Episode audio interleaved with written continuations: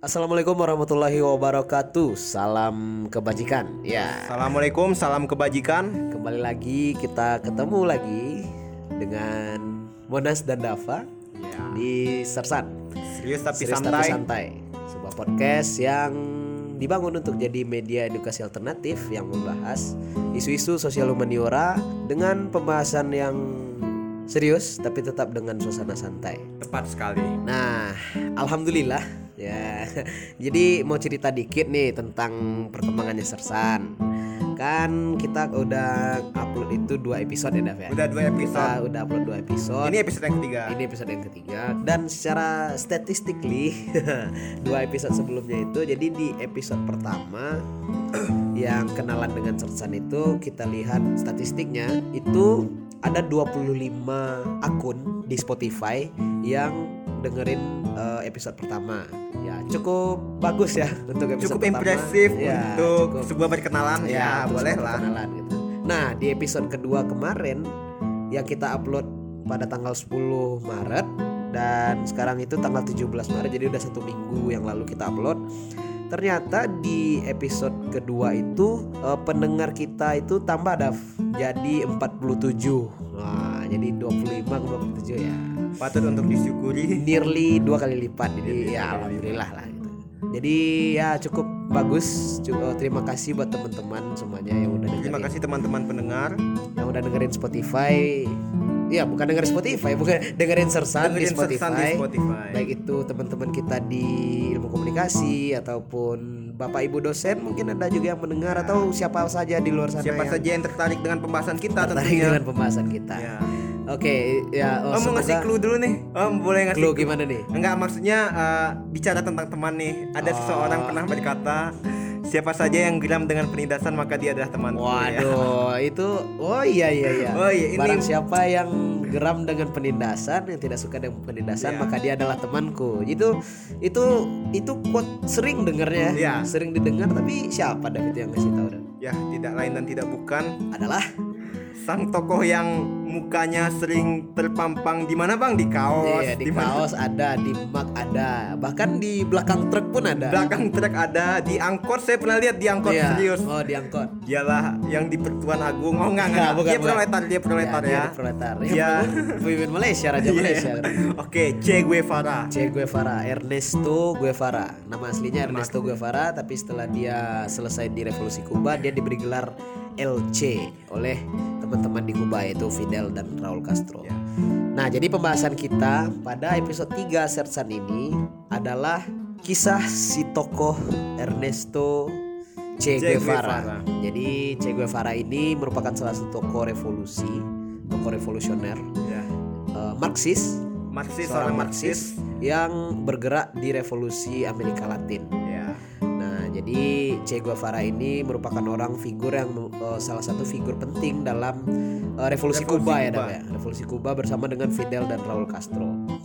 Nah, eh, jadi gimana dah balik ke pembahasan kita tadi kan wajah C ini terpampang di Ya. mana-mana. Saya rasa mungkin teman-teman mungkin eh, mungkin nggak semuanya yang tahu Ya. namanya itu Che Guevara tapi kayaknya Kayaknya udah pernah pernah, lihat. lihat gitu wajahnya itu gitu. Jadi eh, wajahnya itu eh, yang paling terkenal itu adalah seseorang yang memakai baret Pakai dengan baret. bintang di ya tengahnya. oh, ntar di kayaknya di apa di gambar gambar di Spotify-nya ada ya iya, di, foto di, ya di covernya ini ya. Iya. Jadi kalau teman-teman lihat gambar cover podcast episode ini, mungkin teman-teman udah pernah lihat wajah ini atau mungkin grafis desain yang seperti Iya. ini, tapi nggak tahu namanya siapa. Di sini kita bahas siapa dia, Che Guevara. Iya. Jadi siapa Dav? Gimana sih kenapa dia bisa populer gitu? populer. Wajahnya itu bisa di mana-mana. Oh ya itu kenapa? Iya kayaknya? kebetulan saya suka olahraga nih bang. Eh bukan bukan.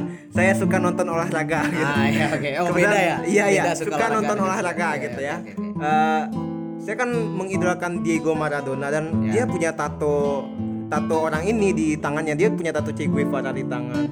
Mike Tyson juga punya tato Che Guevara di di dadanya dia dada agak ke bawah dikit Oh, ya. gitu. Jadi udah jadi suatu simbol, Suatu yang, yang simbol. dipakai ya. oleh Jadi kan kayak kita bertanya-tanya emang ngapain banget sih ini Iya. masang foto orang Kenapa kenapa dia jadi dijadikan tato gitu ya? Iya. Siapa dia gitu kan? Kebetulan kalau kita lihat tokoh-tokoh olahraga nih bang baik itu Maradona dan Mike Tyson ini Hah? tahu nggak kesamaan mere- mereka apa?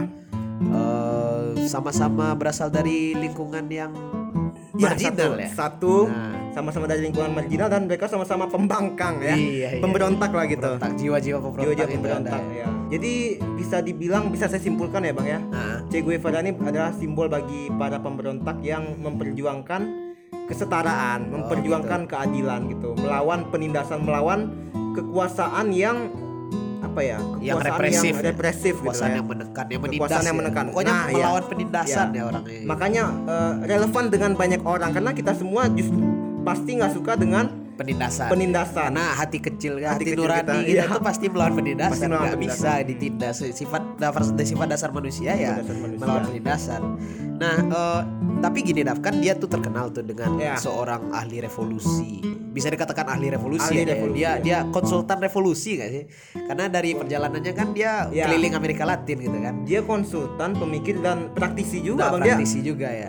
Dia, oh dia kebetulan lulusan dokter. Dia, Oh, seorang dokter. ya Oh, dia ngobat-ngobatin anak saintek deh. anak saintek beda sama kita ya. Tapi Iya. tapi dia pemain dia anak gitu kan. saintek tapi saintek. dia revolusioner, ya. Revolusioner seorang, gitu. seorang saintek revolusioner Iya. itu keren Ya, jadi dia per- pertama bergeraknya di ngobat-ngobatin para gerilyawan, tapi akhirnya dia juga ikut megang senjata gitu. Iya, iya. Dia Awalnya dia pengen jadi dokter kusta gak sih? Karena waktu waktu zaman dia hidup tahun Iya, lagi wabah kusta. 40-an itu kan ada wabah kusta di, Wabah di kusta. Amerika Selatan. Iya. Jadi itu yang jadi motivasi dia untuk masuk ke kuliah kedokteran. Jadi kedokteran. sebenarnya cita-cita dia itu kan awalnya pengen jadi dokter kusta, Iya. spesialis kusta. Nah, benar. tapi di tengah perjalanan kuliahnya apa yang terjadi dah? Jadi dia kan Gimana nih dari seorang anak kedokteran yang cita-cita jadi dokter spesialis kusta Kusta, untuk ya. mengobati orang lain, tiba-tiba dia jadi seorang komandan gitu? seorang komandan Seorang gitu. El revolu- Comandante El nah, Comandante, bahasa Latin seorang ya. seorang revolusioner. Gimana ceritanya? Jadi gini nih dia ya namanya mahasiswa kedokteran atau mahasiswa saintek lah ya mungkin dia jenuh mungkinnya dengan Ah, tugas gabut ya. gabut bisa jadi mungkin dia lagi ada waktu kosong kan. Iya, iya, iya. Jadi ya teman kebetulan ada temennya Alberto nggak salah namanya. Alberto Granada. Alberto Granada ngajak eh C eh mungkin namanya belum C dulu ya. Iya, oh, Hai Ernesto. Iya, Ernesto. Eh, apa bahasa bahasa bahasa bahasa Spanyol ya di sana ya. Eh, gracias lah gitu ya. Ya, hai Ernesto kita naik motor yuk Ya, ke touring ya. touring ngelilingin Amerika. Terus kebetulan si Ernesto Guevara ini hobi touring dia pernah keliling Argentina dengan Oh, motor gitu. Jadi sebelumnya udah pernah udah pernah dia emang emang ya? suka gitu jadi ya dia langsung menyanggupi ajakan si Alberto ini Nah, jadi bahkan dia rela gitu menunda tugas akhir kuliah dia Oh. Ya, aku aku jalan-jalan dulu deh aku refreshing dulu deh siap siap jadi Ya. oh iya ya Hmm. Kelihatan sekali jiwa pembangkangan. Jiwa Tidak- pembangkang banget. tidak tunduk pada sistem Tidak ya. tunduk pada Di saat sistem. sistem kuliah dia mengendaki dia Iya. itu uh, menyelesaikan tugas akhir nah dia jalan Gas, pakai iya. motor touring gitu ya di jalan pakai motor nah, touring. jadi gimana apakah touring ini yang mengubah cara pikirnya atau gimana ya mungkin kalau touring-touring juga kayaknya banyak orang udah pernah touring ya jadi tapi nggak selalu touring itu dapetin apa ya dapetin suatu, Suatu pencerahan kayak yang di pembelajaran, ya. pembelajaran yang, Yang didapat didapatkan sama sama, si Che Guevara jadi kan dia mengunjungi negara-negara ya Argentina tempat Ah, asal dia kan ya. Eh, terus dia sempet ada ke di Guatemala. Guatemala, terus Chile. Chile ya, nah negara-negara itu. negara-negara keliling keliling negara keliling Amerika Selatan gitu kan. Ya benar. Nah ini ada cerita menarik nih Dav ketika dia touring itu. Waktu kota pertama yang dia singgah itu adalah Miramar di Argentina. Nah di sini di Miramar ini kan rencananya itu katanya si C ini mau nginep di sana itu dua hari. Dua hari ya, ya, Nah benar. ternyata ketemu sama si Cicina. Cicina ini pacarnya si C waktu kuliah Oh. gitu. Jadi ketemu sama pacarnya. Kebetulan pacarnya juga lagi liburan sama keluarga keluarganya yang kelas atas. Nah. Ternyata pejuang kita ini bucin juga ya? Jadi dia menunda perjalanannya jadi dia tinggal di Miramar selama 8 hari. Iya, Nah, ada yang menarik nih Dav, dia nitip uang 15 dolar 15 dolar. ke si Che Guevara, Iya. si Cicina nih buat eh, beli baju renang di Amerika Serikat. Katanya kan dia mau keliling Amerika. Jadi jadi si ceweknya ini nitip uang 15 dolar buat Che Guevara buat beli baju buat renang. beli baju renang Nah, di perjalanannya bahkan Che Guevara ini bilang dia rela kelaparan. Dia rela kelaparan. Dia rela kelaparan daripada make duit 15 dolar yang yang dititipin sama si ceweknya ini buat beli ceweknya baju renang. Jadi ya ya nggak salah ya bucin-bucin sekarang tuh nggak salah. oh nggak salah Che ya. Guevara pada masanya juga bucin. bucin itu manusiawi ya bucin hak segala bangsa ya iya Jadi nggak nggak melulu revolusi-revolusi itu orang yang nggak tahu dengan cinta dengan perbucinan Iya. ada Che Guevara aja bucin Bang, saya jadi iri sama. Dia yang bucin, Aduh. dia yang bucin aja pejuang revolusi. Iya. Saya jomblo loh bang. jomblo nggak pejuang juga pejuang ya. juga. Bisa di Sedih banget, sedih Ya, banget. melalui sersan lah kita Oke, berjuang oke, kita berjuang melalui Kita sersan. berjuang melalui Iya, iya, sersan. iya. Eh, kemudian eh, ya eh, nyambung ke cerita tadi dia dari Argentina kemudian dia keliling ke Guatemala keliling ke Peru, ke Chile kan jadi eh, di sana dia melihat fenomena satu fenomena di di masyarakat Amerika Latin ketika itu itu tingkat kemiskinan itu cukup parah gitu karena eh, kan mayoritas masyarakat sana itu agraris Agraris, petani pet- gitu. petani kayak Nah, tapi masalahnya Hmm. petani ini dia bukan petani yang kayak petani yang kita kenal. Kalau petani yang kita kenal kan tanahnya itu punya dia gitu. Iya, iya. Nah, kalau ini dia kayak kayak situasi kaum proletarnya Rusia gitu. Buruh Jadi tani gitu buruh ya. tani lah Buruh sifatnya, buruh tani. Jadi ngelihat keadaan buruh tani itu kesehatannya nggak terjamin, wabah kusta di mana-mana dan kalau nggak salah di film C yang ada film C, bukan ya? bukan yang Bukan yang ya? film C yang Oh, C, iya, ada, C ada, gitu. ada, ada, ada. Eh, katanya di sana kalau nggak salah itu 80% masyarakat Amerika Latin itu Amerika Selatan itu buta huruf ketika itu. Oh, Nah, di sana dia melihat bahwa ya perlu sebuah revolusi sosial ya di Amerika sosial. Latin karena di sana apabila kita lihat di sisi lainnya sangat banyak orang yang eh, sangat besar ketimpangan sosial. Eh, itu terjadi karena eh, banyaknya perusahaan-perusahaan Amerika Serikat yang membuka perkebunan di Amerika Latin sementara yang diuntungkan ya segelintir orang Amerika Latin yang bisa orang. jadi yang bisa jadi cecunguknya Amerika gitu Amerika. kan. Kalangan atas, kapitalis. Iya, kapitalis. Ya mungkin bisa dibilang nyedot uang rakyat juga ya, Bang, Nah, ya? gitu. Kalau buruhnya ya nggak nggak terjamin lah kehidupannya gitu. Nah, di situ di situ memicu semangat Che Guevara untuk melakukan revolusi gitu. Ada satu momen di perjalanannya itu ketika dia ke Chile, ke eh, pertambangan di Chile. Jadi dia ditanya oleh seorang seorang penambang lokal. penambang lokal. Jadi dia lagi berkunjung ke pertambangan itu ya, mungkin ya. pertambangan itu. Jadi Nah, ditanya bentar ya. pe- petambang lokal, ditanya, eh mau nyari kerja katanya. Dikira Che Guevara ini orang yang mau nyari kerja. Hmm. Terus dia bilang enggak. Terus ngapain ke sini kata si penambang. Kemudian C sama temannya jawab jalan-jalan. Jalan-jalan doang gitu ya. Nah, si penambang ini langsung jawab, "Wah, kamu bisa jalan-jalan ya. Wah, God bless you gitu." Ya, kayak gitu. Jadi Iya. sebuah kemewahan loh jalan-jalan itu. Makanya di sana dia kayak tersentak gitu. Tersentak gitu ya. Waduh, gue jalan-jalan nih gitu Kita kan. enak jalan-jalan Kita enak jalan-jalan sementara orang ini jalan-jalan itu adalah satu kemewahan yang nggak mungkin rasanya Iya, mereka iya. capai gitu. Mereka capek berkeringat di Maka dari itu Tambang. di di catatannya jadi C ini menulis catatan dan ini bisa teman-teman temukan di buku The Motorcycle, The Motorcycle Diaries. Diaries. Udah dibikinkan film juga. Iya. Jadi di buku itu C nulis catatan perjalanannya Da- dari cahaya satu lilin raut wajah pekerja tambang meninggalkan rasa misterius dan tragis. Pasangan itu saling berpelukan adalah contoh nyata kaum proletar di setiap belahan dunia. Jadi C ini cukup puitis ya dalam cukup puitis. Jadi Makanya dari sana lah dia timbul semangat untuk memperjuangkan nasib kaum proletariat di sebelumnya khususnya di Amerika Selatan Khususnya yang di yang, Amerika Selatan. yang Karena yang deket sama dia Saudara lah, gitu. serumpun dia lah kan. dia. Oh iya, tentang Amerika Latin nih bang, Eh, hubungan dia Amerika, sama Amerika Latin ada satu hal yang menarik nih bang. Amerika Latin nih bang ada Ya. Hal menarik nih terkait Gimana? Che Guevara. gimana? Jadi kan si beliau ini ketika jalan kan sampai ke Peru juga nih bang. Nah, Jadi dia sempat bercengkrama gitu sama pasien-pasien kusta di Peru gitu kan. Nah pasien-pasien kusta di Peru. ketemu sama orang yang menderita kusta ya. Iya, Terus jadi ya dia jadi apalah apa ya istilahnya mungkin relawan mungkin ya tenaga kesehatan Jadi sana volunteer ikut gitu ya? volunteer. volunteer. dan ada nah di situ dia tergerak untuk menyampaikan kata-kata yang sempat ia pendam mungkin ya jadi setelah dia kan udah jalan jauh nih bang lihat Ya. Amerika Latin dia awalnya dia dari Argentina oh dia ke negara lain di Amerika Latin dia bilang gini Nah, ternyata perbedaan di antara kita itu sebenarnya nggak asli. Maksudnya perbedaan kita di antara kita ini seharusnya nggak nggak mengekang kita. Sebenarnya kita ini satu satu rumpun dan kita satu penderitaan bisa dibilang Ah, satu gitu. penderitaan Senasib lah ya. senasib lah gitu. senasib seperjuangan. Jadi karena kita sama-sama agraris gitu kan, dia mengobarkan semangat orang-orang yang mendengarnya bahwa seharusnya Amerika Latin bersatu untuk kondisi yang lebih baik gitu Iya, lah intinya. melakukan reformasi sosial ya. Iya. sebenarnya. Nah, di sana lah timbul semangatnya itu ketemu ketika dia ketemu sama ketika dia lewat di Guatemala itu dia ketemu sama presidennya Guatemala. Presiden Guatem- Guatemala ketemu langsung atau Ya dia ketemu langsung. Jadi ketika itu pas dia lewat di Guatemala itu dia bertepatan dengan momen presiden baru ini dilantik. Dan- oh iya, iya. Nah, jadi dia ketemu dengan presiden Guatemala yang memiliki pandangan yang bisa dikatakan sayap kiri. sayap kiri Kemudian dia punya program reformasi sosial itu untuk meningkatkan Oke. taraf hidup masyarakatnya.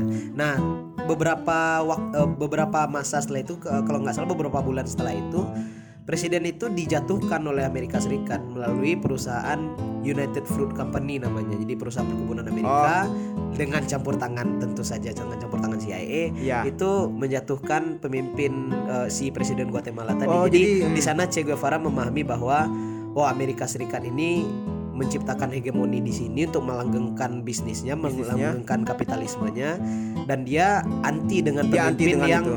kiri yang progresif gitu, pemimpin kiri yang progresif. padahal kan ya hmm. Padahal eh, kunci dari ke kesejahteraan masyarakat Amerika Latin ya dia di situ di reformasi sosial itu. Ah dari situlah mungkin timbul di sana keinginan di dalam hatinya untuk melawan hegemoni Amerika. untuk melawan Amerika ya melawannya dengan ya kita dalam tanda kutip radikal gitu Ya, ya cukup radikal. Cukup gitu. radikal. Tapi radikalnya itu bukan dalam artian radikal sekarang ya, maksudnya radikal sekarang beda ya ada pergeseran makna kayaknya pergeseran radikal makna, itu. ya. Radikal itu dianggap orang-orang yang memberontak. Sebenarnya bukan itu. Radikal itu adalah ketika berani berpikir melawan arus itu udah Ya, radikal, radikal. sebenarnya gitu. Nah, se- jadi setelah di Guatemala dapat eh, pemahaman seperti itu, dia ke Meksiko dah. Nah, di Meksiko ketemu dengan si Raul dan Fidel Castro yang ketika itu lagi melarikan ditahan diri, ya? lagi Ah, melarikan diri, diri ya? dari dari Kuba. Karena Kuba waktu itu dipimpin oleh Bautista yang di bawah Batista Batista Batista ya. Fulgencio Batista Fulgencio Batista dia, dia di bawah hegemoni Amerika. gitu. Nah di di Meksiko itulah ketika bertemu Raul dan Fidel Castro, Che ini diajak sama Fidel Castro untuk ikut serta menjalankan sebuah revolusi, Revolusi. di Kuba gitu untuk menjatuhkan kekuasaan Batista. yang mana gerakan ini butuh masa yang banyak ya bang ya Ya. Tapi ada yang menarik Dav. Jadi ketika berangkat dari Meksiko ke Havana ke Kuba, eh, ke Kuba bukan ke Havana. Ada yang menarik ketika eh, Che dan Fidel dan Raul dan teman-teman lainnya berangkat ke Kuba. ke Kuba Itu dengan kapal yang bernama Grandma nama kapalnya. nenek Nenek Iya. kapal nenek gitu. Grandma yang membawa 200 orang oh, rombongan pertama mereka itu. Nah, satu hal yang cukup menarik tapi di sisi lain juga cukup ironis dari 200 orang gelombang gelombang pertama yang datang itu hanya 17 orang dari 200 itu yang menyaksikan keberhasilan revolusi Kuba atau yang menyaksikan kejatuhan Batista. berarti Jadi, itu ya cukup banyak korban, Banyak cukup korban. memakan banyak korban. jadi mereka menjadi istilahnya apa ya tumbal Pelopor. revolusi Ya, ya martir revolusi martir revolusi. Iya. Mereka mereka korban korban korban revolusi. gitu. korban-korban revolusi Tapi bisa dikatakan revolusi Kuba berhasil. berhasil Salah satu revolusi revolusi sosialis ya bisa dikatakan Ya, itu. Salah yang- satu revolusi sosialis yang berhasil di dunia ya, dan bertahan sampai saat sekarang ini ya salah satunya ya Kuba gitu. Kuba Karena Kuba merupakan salah satu negara komunis yang masih bertahan di dunia gitu. ya Kalau nggak salah cuma ada enam ya sampai sekarang yang masih cuma ada bertahan. enam Vietnam Ada kalau nggak salah Kuba, satunya Vietnam, Korea Utara, Cina dan Cina pun juga secara ekonomi mereka sudah Iya. ekonomi pasar sudah kapitalis tapi secara politik masih komunis. Tapi bicara tentang Kuba meskipun kan orang sering ya mikirin komunis ini kan kayak apa bang kayak oh tertutup banget enggak ternyata Enggak juga. di gitu. Kuba apalagi di Havana wisata tuh tetap hidup Karena karena komunis Kuba itu kalau kita lihat dari eh, bagaimana Fidel menjelaskan komunis pada masyarakat Kuba, komunis Kuba itu nggak nggak berkiblat ke Uni Soviet. Oh, Makanya sering kali ketika Stalin memimpin Uni Soviet sering clash tuh antara Ku- Stalin dengan eh, Fidel. Fidel Oh, gitu. Jadi Stalin nggak begitu suka dengan gaya Fidel dan dan selanjutnya kayak Brezhnev, Khrushchev yang yang melanjutkan eh, Stalin mereka tetap enggak Ya Fidel Fidel nggak begitu Nggak begitu serak ya. mereka mereka menganut ideologi Marxis Leninis tapi mereka tidak berkiblat ke Uni Soviet semata-mata mereka menjalankan pemerintahan itu ya demi, Ya. demi kesejahteraan masyarakat Kuba gitu. Masyarakat. Makanya mereka bertahan sampai sekarang gitu kan dan dan bisa dikatakan ya revolusi Kuba berhasil lah gitu. Oh ya Fidel dan Castro itu salah satu revolusi yang berhasil menjatuhkan hegemoni Amerika Serikat dan sampai sekarang ya Amerika juga tidak punya segan lah ya ke ya, Kuba ya tidak ada cengkraman Tidak ada Kuba cengkraman sampai, di Kuba. sampai hari ini dan Fidel Castro ketika kepergian beliau pun ya disambut duka sih oleh ya disambut duka. banyak masyarakat Jadi Kuba Fidel itu bukan figur pemberontak kalau di Kuba ya mungkin mungkin kalau kita bandingkan dengan Indonesia itu sama seperti kita memandang Soekarno mungkin Iya, sama kita Seorang kita memandang Kuba itu memandang Fidel Iya. Castro gitu. bersama dengan Che dan Raul Castro Che ini bisa dianggap orang Argentina yang memiliki sifat altruis gitu ya. jadi Iya. dia nggak mementingkan uh, Argentinanya sendiri tapi Iya. secara keseluruhan orang dan dia membantu usaha revolusi di mana-mana balik ke statementnya tadi kan ya Iya. barang siapa nggak suka penindasan ya teman saya gitu Iya. dia membantu teman-teman dia Tapi ada yang menarik di film C itu bisa kita lihat ada satu adegan ketika C ini minder. Hmm, Dia minder kalau dia orang asing gitu ya Nah, oh Dia minder karena dia uh, satu-satunya orang Argentina di sana gitu. oh sedangkan yang lain Kuba gitu ya Sementara pasukan Fidel yang lain itu Kuba. Nah, di saat itu Fidel langsung ngejawab sama si C. Engkau sama berdarahnya dengan kami. Engkau sudah minum air yang sama, kita sudah tidur di tanah yang sama dan engkau sudah berdarah dan tenggelam dalam lumpur yang sama dengan kami. Dan Fidel menyatakan bahwa engkau sama kubahnya dengan kami semua dan di situ men- menimbulkan kepercayaan diri C lagi gitu. Jadi dia nggak minder lagi, Nggak minder lagi. lagi. Jadi Berarti- dia sebenarnya kalau bagi orang Kuba sendiri Che Guevara sudah dianggap sebagai tokoh nasional Kuba Tokoh meskipun nasional dia Kuba. orang dia- Argentina gitu. oh ya dia kelahiran Rosario dia Iya. satu kelahiran dengan Messi ya satu kota dengan Messi. Satu kota dengan, benar. Ar- dengan Maradona iya gak sih? dengan Maradona dia Beda. satu Argentina sih Oh, cuma satu beda Argentina. kampung lah gitu Tapi sama Lionel Messi satu satu kampung. satu ya. kampung satu dia. kota asal. Nah, selain itu selain Che Guevara juga aktif di Amerika Latin, dia juga cukup dekat dengan eh, ya kayak kata dia tadi semua yang melawan penindasan itu teman dia. Dia cukup dekat dengan pemimpin dunia ketiga yang berusaha keluar dari Ya. eh, keluar dari situasi yang yang yang tidak bagus itu Tidak gitu. bagus. Salah satunya dia berteman dekat dan bahkan bisa dikatakan sahabatnya Soekarno, Dav. Jadi ketika itu tahun 59, tahun 59 itu Fidel Castro mengutus Che Guevara sebagai wakil Kuba untuk bertemu dengan uh, Soekarno dengan Di Indonesia, dengan ya? Indonesia. Jadi Che, Che ini sempat ke Indonesia, Sempat sempat, ke ke Indonesia, ya? Jakarta gitu ya. tapi nggak sama motor lagi ya bang ya Enggak, Oh, enggak. dia, Dia udah udah udah lebih berduit Udah ya lebih udah karena dibiayai negara. Ah, dibiayai Dia- Dia negara, udah ya, utusan ya. utusan, Utusan negara, ya. Kuba gitu. siap siap Nah, ketika Soekarno bertemu dengan C ini, itu kan Soekarno masih sedang on fire-nya itu, sedang baru-baru membuat kan konferensi Asia Afrika 1955. Iya, dia kayaknya gitu kan. Soekarno pada zaman itu kayak pengen banget me- apa ya ngelawan hegemoni dari negara-negara yang udah gede gitu misalnya kayak Amerika Serikat, Iya. Uni Dan- Soviet dan dia hmm, bisa dikatakan Soekarno memiliki motif pribadi, Dav, karena dari kecil dari dari dia tumbuh di lingkungan eh, ya lingkungan kolonial, lingkungan penjajahan, dia selalu mendengar bahwa orang Indonesia yang ketika itu dikatakan inlander, inlander ini selalu dianggap inlander bodoh gitu. Iya, Jadi iya. dia ingin mengenalkan ini loh Indonesia, ini loh dunia. Kita bukan inlander bodoh lagi, kita udah manusia merdeka gitu. dia ingin menjelaskan identitas Indonesia di hadapan negara-negara yang, yang sudah besar lah gitu ya bang ya. Ya, jadi selain C sempat ke Jakarta untuk ketemu dengan Soekarno, C juga sempat ke Candi Borobudur loh, Dam. Oh. Jadi sempat wisata, Wisata, keliling ya. Indonesia, kemudian juga eh, berdiskusi tentang banyak hal tentang revolusi dengan Soekarno.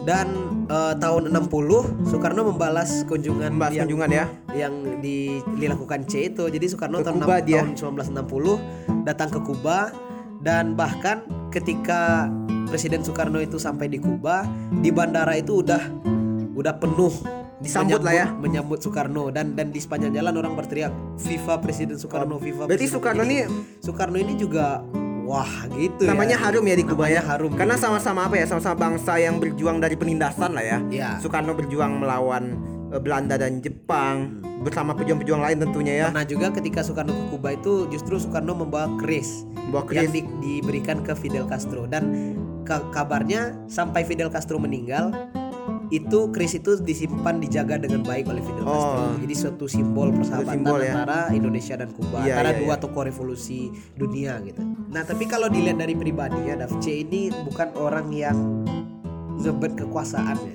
Dia Oh, dia iya. nggak suka dengan jabatan. Dia nggak nyari jabatan, dia nggak Nah. nyari kekayaan, dia nggak nyari posisi, nggak nyari apa-apa. Karena ya as a matter of fact dia bahkan meninggal dalam keadaan memperjuangkan dalam revolusi. keadaan dia eh, di hutan dalam keadaan dia sembunyi-sembunyi di hutan. Oh enggak enggak dia dia nggak meninggal di hutan. Cuma apa ya dia eh, sembunyi-sembunyi di hutan dalam rangka bergerilya lah gitu ya berperang untuk melawan penindasan lah gitu kan. Akhirnya dia ketangkep gitu dia Iya. ketangkep terus di eksekusi mati. dieksekusi mati. Dia Ya, mati dalam kondisi seperti dia itu. meninggal itu karena dieksekusi ketika dalam gerilya. Dalam, dan dalam gerilya. mungkin teman-teman yang dengar bertanya kok kan revolusi Kuba tadi udah selesai kok dia masih gerilya? Nah di situ nilai perjuangan. Di situlah uh, apa ya? Apa ya? Keistimewaan Che Keistimewaan Guevara dari gitu. Che jadi Guevara. dia nggak nggak nggak stuck oh udah Kuba selesai udah Ya. aku eh, tugasku udah selesai. Nggak.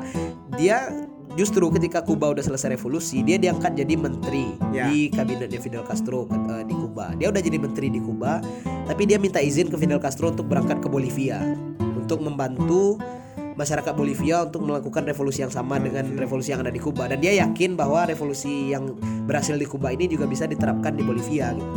Berarti dia ingin eh, semu apa ya orang apa negara-negara yang terdekat dengan dia di Amerika Latin itu eh, memiliki apa ya memiliki nasib yang sama gitu. Ya, Karena dia- kan awalnya pada musuh- punya musuh yang sama awalnya gitu ya kan. dia memperjuangkan nasib seluruh masyarakat Amerika Latin Ya. dan itu dan itu cukup luar biasa Cukup ya luar karena- biasa. karena gimana semangat dia untuk berjuang demi demi kesejahteraan orang lain demi kemanusiaan itu pada pada dasarnya gitu. Dan kalau bicara tentang gimana dia nggak suka nggak nggak ngebet sama kekuasaan bang, sebenarnya ya bayangin aja nih bang dia udah capek-capek, udah berdarah, udah ber berkubang lumpur memanggul senjata dengan teman-temannya dalam revolusi kan. Dan dia udah dibalas dengan eh, posisi jabatan yang yang nyaman mungkin ya. Dia ya. menjadi menteri dan gubernur bank ya kalau saya gubernur bank Bukan, atau apa? eh, dia menteri eh, perdagangan Iya gitu. menteri perdagangan gitu. Tapi dia dia berjuang sejauh ini bukan untuk mendapatkan kekuasaan. Jadi ya ketika dia dikasih dia justru dia memang berjuang dengan ikhlas gitu berjuang ya dengan ikhlas ya. Dan bahkan ketika dia dieksekusi eh, dia menyatakan pada si eksekutornya aku tahu engkau datang untuk membunuhku. Tembak saja pengecut kau hanya akan membunuh satu orang. Nah that's di the situ, value that's the aduh, point gitu ya kan. itu Ya, kayak mungkin kita yang jadi eksekutor kan mungkin berpikir wih ini kita eksekusi enggak ya eksekusi Iya. enggak ya? mungkin kita mikirnya nggak mungkin or- orang setulus ini loh gitu masa kita larang untuk hidup gitu Ya, di situ mungkin memberikan satu feel yang cukup menggetarkan si eksekutornya ya, menggetarkan lawannya karena di sana terlihat bahwa api revolusi itu memang benar-benar berpijar dan membara di dalam diri si Che jadi Guevara. dia yakin bahwa revolusi yang sama ini ya perjuangkan akan akan dilanjutkan oleh kawan-kawan seperjuangan gitu kan ya dan dia memiliki prinsip bahwa ya yang namanya ide itu nggak bisa dibunuh gitu. ya namanya namanya ide bisa dibunuh mungkin pemilik ide bisa Pemilik dibunuh ide bisa dibunuh, manusia bisa dibunuh, ide nggak bisa dibunuh. organisasinya bisa dilarang, yang penganut ideologi itu bisa dicari, bahkan buku dibakar, orang dibunuh Ya. segala macam. Tapi Ya. yang ide itu sendiri, ideologi itu sendiri nggak akan pernah bisa mati. makanya dia bilang kamu hanya bunuh satu Kamu orang hanya Iya. akan bi- membunuh satu orang gitu. Iya. Jadi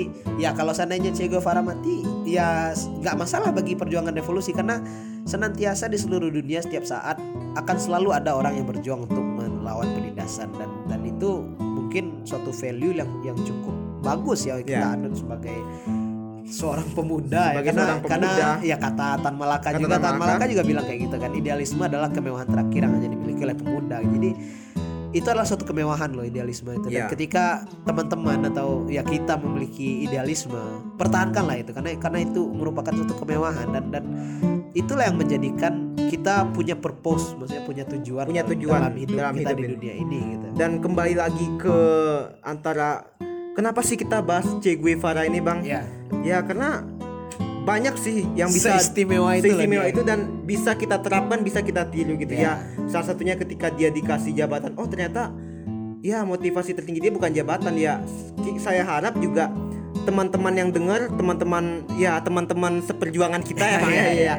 teman-teman kita di sekitar kita nggak memiliki motivasi yang kotor di balik perjuangan atau Ya, di balik usaha mereka selama usahanya. ini gitu jangan sampai kita oh aku rajin-rajin belajar deh biar nanti bisa bisa meraih jabatan ini dan memanfaatkan ini dan segala macam ini dan intinya jangan pamrih gitu jangan intinya jangan jangan pamrih. meminta balasan gitu karena jangan meminta balasan ya toh balasan itu toh akan akan datang gitu Akan nggak datang. usah nggak usah diminta-minta gitu dan mungkin itu juga masuk akal kenapa eh, Che Guevara ini dijadikan suatu simbol ya makanya tadi balik ke pembahasan kita Ya. awal tadi fotonya ada di mana-mana Fotonya fotonya, ada itu jadi simbol perjuangan bagi orang lain bagi simbol revolusi gitu nah Kenapa dia bisa dijadikan ikon seperti itu? Kenapa dia bisa masuk ke budaya populer seperti itu? Kenapa dia terkenal, kenapa wajahnya ada di mana-mana ya karena ya karena kekuatan dari idenya itu tadi, Kekuatan kekuatan, dari dari, ide. prinsip, kekuatan dari keinginan dia, keinginan luhur dia untuk untuk kemanusiaan itu tadi gitu. Jadi pada dasarnya semua orang yang yang tertindas Ya. itu sudah terwakili suaranya, sudah terwakili pikirannya melalui pemikiran-pemikiran Che Guevara dan dan itu Ya. dan dia figur yang iya menurut kita ya sangat luar biasa sebuah seorang figur yang yang ada di dunia ini yang yang benar-benar memberikan pelajaran yang tak lekang oleh waktu gitu. Benar. sampai kapan pun itu pasti tetap berlaku. Selama masih ada penindasan maka nilai-nilai yang diajarkan oleh Che Guevara tetap bisa dipakai di dunia dan kita tetap bisa meneruskan perjuangannya. Meskipun dia sudah bertahun-tahun lamanya Udah bertahun-tahun di di, di alam lain lah ya. di alam lain. Jadi kita harap teman-teman pendengar dan kita juga sendiri ya Bang ya ya dapat bawa semangat dap- dapat membawakan semangat dari El Comandante ini ya, semangat idealisme dia, bertahan pada prinsip dia, dia memperjuangkan prinsip dia ya seperti itu. Oke, demikian ngobrol-ngobrol kita di episode 3 Sersan tentang Che Guevara. Semoga kita dapat mendapatkan banyak ilmu, Mendapatkan mendapat banyak ilmu, wawasan, mendapatkan inspirasi dapat mungkin inspirasi ya. juga Iya. untuk melanjutkan perjuangan kita Iya. demi kemanusiaan Demi kemanusiaan. dan juga eh, pesan buat teman-teman pendengar semuanya karena kita lagi ada di pandemi COVID-19 senantiasa jaga kesehatan, jaga imunitas. Jangan jangan melakukan hal-hal yang beresiko lah karena Ya. karena eh, oke lah kalau misalnya seandainya kita memiliki daya tahan tubuh yang kuat dan kalau seandainya kita pun positif bisa nanti sembuh gitu kan. Tapi kita belum tahu sama orang-orang yang berinteraksi dengan kita, Yang mungkin adik dengan kita, Iya. atau orang-orang tua kita gitu kan. Jadi berlakulah sebagaimana kita seorang manusia yang juga menjaga manusia lainnya dan Setuju. kita bersatu dalam melawan pandemi ini ya uh, side note aja singkat aja kita nggak bahas itu sih tapi ya uh, nggak ada salahnya kita nyampaikan di episode Ya, 3 ini adalah Iya. Sebenarnya menyelamatkan diri kita dari diri kita dan orang sekitar dari virus ini ya menyelamatkan kemanusiaan juga. termasuk masuk uh, bisa Termasuk di semangat dari Che termasuk Guevara. semangat Che Guevara Iya, itu kita iya. melawan uh, pandemi demi Melawan kemanusiaan pandemi, gitu. iya. Baik demikian saja terima kasih teman-teman kasih, teman-teman pendengar. sudah mendengar. Sampai jumpa di episode selanjutnya Sampai jumpa di episode selanjutnya. dan jangan lupa untuk ikuti Sersan di Instagram itu di @sersan.id @sersan.id. dan di Twitter kita juga ada di @sersan underscore ID. Nah di sana kita bisa ngobrol-ngobrol. Kalau ada feedback atau input dari teman-teman, ada saran atau ada pesan tertentu yang ingin disampaikan ke Sersan, silakan. Kita available di kita available di dua platform itu. Ya, Iya. terima kasih. Sekian dulu. Saya Rehan. Monas undur diri. Terima kasih saya Dava Beni undur diri. Salam kebajikan, panjang Salam umur kebajikan. baik. Panjang umur hal baik.